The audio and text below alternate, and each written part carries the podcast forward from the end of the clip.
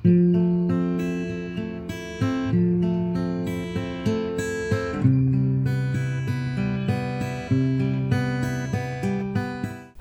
selamat datang di Memilih di Antara bersama Aga Ridwan. Hari ini aku mau ngomongin tentang kabar teman-teman yang terdampak dari COVID-19. Teman-teman beberapa mungkin udah tahu apa itu COVID-19, virus yang baru-baru ini muncul dan ramai diperbincangkan dan efeknya terasa sampai sekarang dari mungkin sekitar bulan Maret kali ya itu mulai ramainya tuh menyebar ke seluruh dunia. Ini salah satu virus yang cukup mematikan, makanya sampai muncul gerakan social distancing atau menjaga jarak satu sama lain. Fungsinya adalah untuk memutus rantai penularan COVID-19. Dikutip dari covid19.go.id, itu website dari gugus tugas percepatan penanganan COVID-19 disebutkan bahwa virus dapat berpindah secara langsung melalui percikan batuk dan napas dari orang yang terinfeksi, kemudian terhirup orang yang sehat. Selain itu, virus juga dapat menyebar secara tidak langsung melalui benda-benda yang tercemar virus akibat percikan atau sentuhan tangan yang tercemar virus. Sedikit cuplikannya kayak gitu, jadi sebisa mungkin tidak ada kontak selama masa pandemi ini. Maka dari itu di Indonesia sejauh ini sampai episode ini dirilis Indonesia masih bertahan di PSBB pembatasan sosial berskala besar. Banyak dampak dari PSBB ini terutama untuk kelas ekonomi menengah ke bawah itu sangat terasa sekali. Di perusahaan besar pun terasa juga. Cuma mereka memang punya strategi bisnis berkelanjutan jadi ketika ada satu hal terjadi maka mereka sudah ada backup plan. Tapi untuk ekonomi kelas menengah ke bawah yang yang misalnya bekerja di perusahaan kecil atau mempunyai bisnis sendiri itu kebanyakan usahanya mati sih di era pandemi ini selama masa PSBB terutama di Bekasi ya. Karena aku sekarang tinggal di Bekasi dan fakta mengejutkannya adalah meskipun PSBB diterapkan kalau misalnya Bapak Presiden atau Bapak Menteri Kesehatan sidak ke komplek-komplek atau perkampungan-perkampungan believe it or not masih banyak sekali orang yang nongkrong. Meskipun mereka di sana tuh kebanyakan nongkrong ngomongin corona, tapi mereka sendiri itu tidak melakukan apa yang seharusnya dilakukan gitu. Menjaga jarak. Karena di beberapa tempat di Bekasi kayak warung makan yang masih buka atau tukang bakso yang masih jualan atau tempat apa pun yang masih buka tuh di tempat tempat yang memungkinkan orang untuk berkumpul tuh mereka pasti minimal saling ngobrol karena di masa ini sangat jenuh, sangat membosankan. Jadi kalau misalnya aku lagi nyari makan nih malam-malam, aku lewat, hmm, bapak-bapaknya lagi ngumpul ngomongin COVID-19 tapi mereka nongkrong. Dan satu fakta mengejutkan di Bekasi, mungkin kalau datanya dibuka benar-benar dibuka, ada salah satu perusahaan yang sudah banyak karyawannya terkena virus corona. Jadi satu orang meninggal di sana bahkan ekstrimnya tuh meninggal di perusahaan itu. Lalu penyebarannya sangat cepat karena itu adalah pabrik. Pabrik adalah tempat di mana orang-orang berkumpul dengan jarak yang cukup dekat. Misalnya dari satu mesin ke mesin lainnya tuh pasti ada orangnya dan itu mungkin cuma satu meter atau kurang setiap orang. Apalagi ketika misalnya ketemu di kantin. Atau ketemu ketika merokok. Atau bahkan ketika di bis jemputan. Itu sangat mungkin terjadi ketika di konteksnya ngomongin soal pembatasan sosial berskala besar. Karena ada sedikit ketimpangan.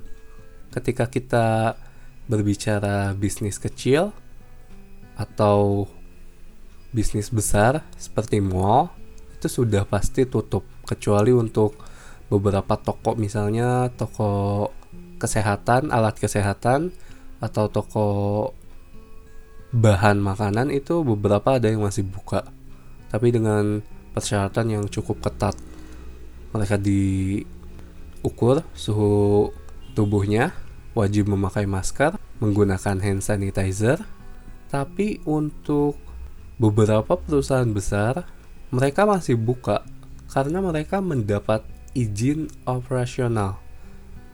Jadi seperti ada dua kebijakan di sini.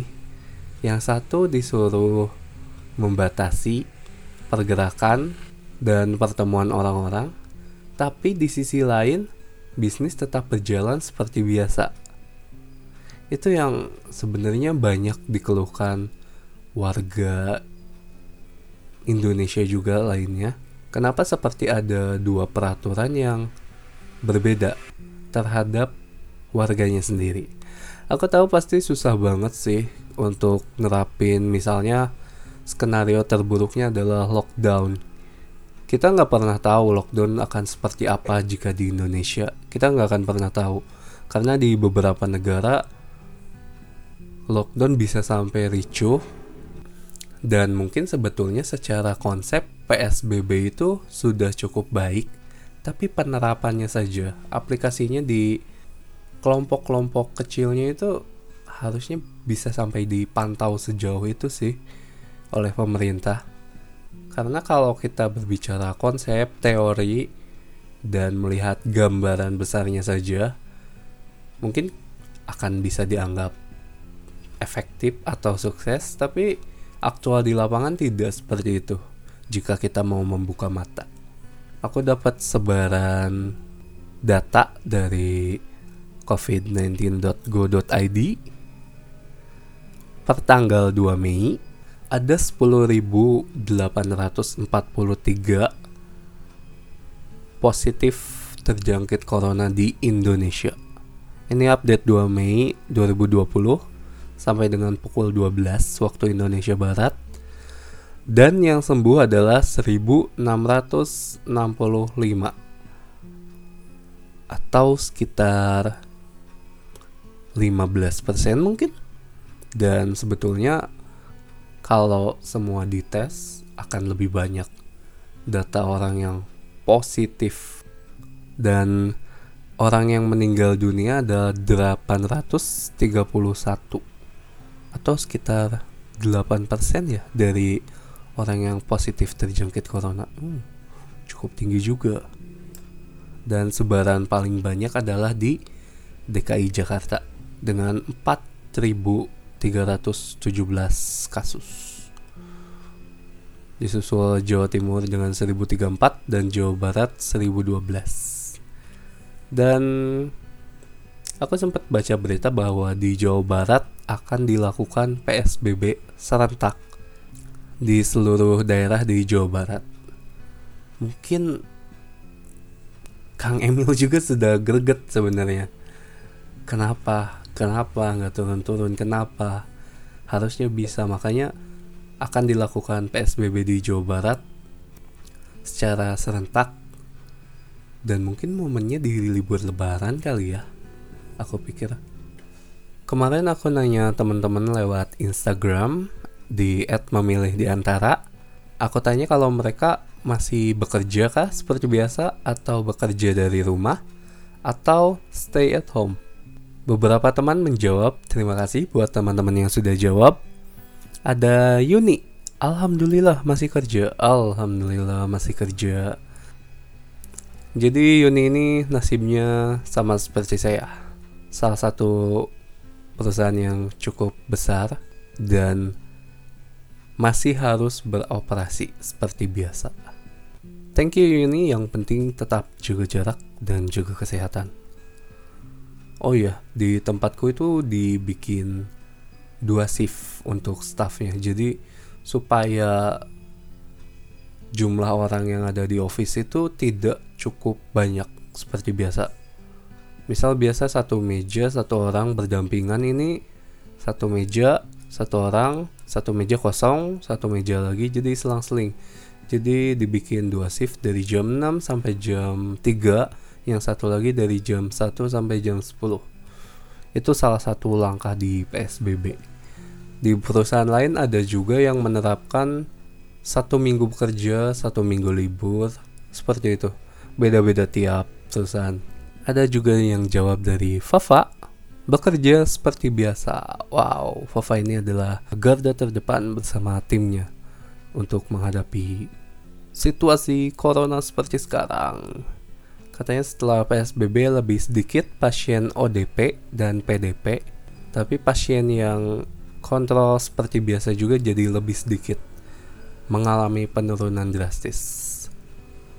Iya, aku merasakan itu beberapa hari yang lalu aku sempat sakit terus ada sedikit rasa takut ke rumah sakit tuh. Takutnya tuh lebih karena malah jadi tambah parah gitu ke rumah sakit tuh. Itu yang aku alami seperti itu.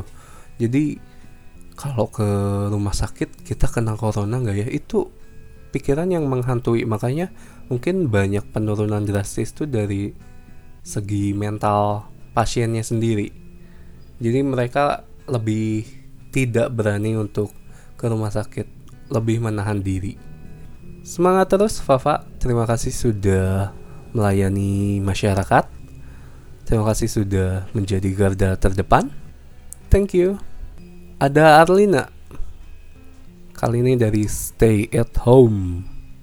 Sudah sebulan katanya stay at home. Awalnya takut kebanyakan rebahan dan gak produktif. Tapi ternyata malah lebih produktif. Soalnya di rumah ada ponakan baru. Wow, selamat. Ada ponakan baru. Kerjaan rumah semuanya aku yang handle. Wow. Secara dia tinggal bersama kakaknya yang baru lahiran jadi dia yang handle kerjaan rumah. Terus nemenin ponakan satunya lagi belajar. Belum lagi kalau kebagian ngurusin bayi jadi ikutan begadang. Wow. Jadi produktif, sangat produktif. Ten tenaganya tersalurkan meskipun masih stay at home. Thank you Arlina sudah berbagi. Tetap produktif. Dan jangan lupa suaranya dilatih. Nanti lupa pas siaran. Ada dari Muhammad. Katanya sudah stay at home kak. Alhamdulillah semakin bahagia. Alhamdulillah. Selama ini merantau pulang seminggu sekali ketemu keluarga. Kali ini bisa dekat dengan mereka Lebih dekat dengan mereka Wow, it's feeling good Mungkin kamu stay at home-nya sebelum PSBB berlaku kah? atau seperti apa? Karena kalau yang aku rasain di sini aku tidak bisa ke mana-mana, tidak boleh ke mana-mana karena ada larangan mudik juga. Jadi kita lebih banyak di tempat kita yang sekarang. Karena kalau aku nanya ke mbak-mbak warteg yang biasa aku beli makanannya, aku nanya, Mbak, buka sampai tanggal berapa? Kayaknya tahun ini kita nggak pulang. Oh wow, sisi positifnya aku bisa tetap makan beli di warteg gitu. Tentu dengan dibawa pulang. Jadi biasanya Mbak warteg ini mudik dari jauh-jauh hari. Kalau sekarang dia full sampai bablas sampai lebaran tidak pulang. Thank you Muhammad sudah share ceritanya. Selanjutnya ada dari Rifat dia stay at home tapi tetap harus kerja di rumah. Hmm, bekerja dari rumah. Katanya sibuknya jadi dua kali lipat. Sebelum puasa sih yang pasti nafsu makan dan masak meningkat. Wow. Is it good vibes? Auto jadi safe handal setelah COVID-19 berakhir. Wow, cobain menu baru dong. Thank you Rifat sudah berbagi. Nanti kalau COVID-19 sudah berakhir, kita duet di channel YouTube. Oke? Okay? Berikutnya ada dari Fasya. Fasya ini sudah WFH dari satu setengah bulan yang lalu. Wow, sudah lama juga. Apakah tokonya sudah tutup atau masih buka, Fasya? Kelebihannya katanya hemat uang makan yang bisa dialokasikan ke belanja online. Wow, budget tetap terpakai, tetap terserap, tapi di kategori yang lain. Kekurangannya katanya nggak efektif buat dia karena energi berasa banyak, tapi nggak dikemana-manain. Bosan dan kurang nyaman karena nggak punya meja kerja di kamar, jadi bikin dadakan pakai meja make up. Wow, cukup kreatif. Nice. Thank you Fasya sudah berbagi ceritanya. Bekerja dari rumah. Wow, aku sih belum kebayang akan seperti apa. Mungkin karena jenis pekerjaannya berbeda. Kalau aku itu masih 50% harus turun ke lapangan karena hubungannya dengan kebutuhan produksi dan lain-lain. Jadi untuk saat ini masih belum bisa sepertinya. Thank you teman-teman sudah berbagi ceritanya dan kabarnya sampai sejauh ini. Semoga kalian sehat selalu. Yang pasti tetap jaga jarak. Kita nggak pernah tahu ini sampai kapan mungkin beberapa orang bilang kalau corona ini berakhir aku mau nonton konser. Aku mau jalan-jalan aku mau nongkrong aku mau ngopi mau ke mana pun pokoknya. Tapi sebetulnya pertanyaan paling dekatnya itu kapan? Kapan berakhirnya? Dan apa yang harus kita lakukan untuk pandemi ini segera berakhir? Seperti itu sih sehingga cita-cita kita ketika pandemi ini berakhir bisa terwujud.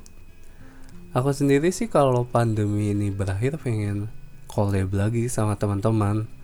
Karena sebenarnya kemarin sudah hampir dekat waktunya. Aku sudah setting sama beberapa teman buat ketemu. Tapi ternyata batal karena sangat kebetulan sekali satu atau dua minggu sebelum rekaman itu coronanya merebak di mana-mana. So we have to cancel our schedule to record the podcast. Semoga bisa cepat collab bareng teman-teman yang sudah janjian. Kita atur schedule ulang, oke? Okay? Siap? Siap dong.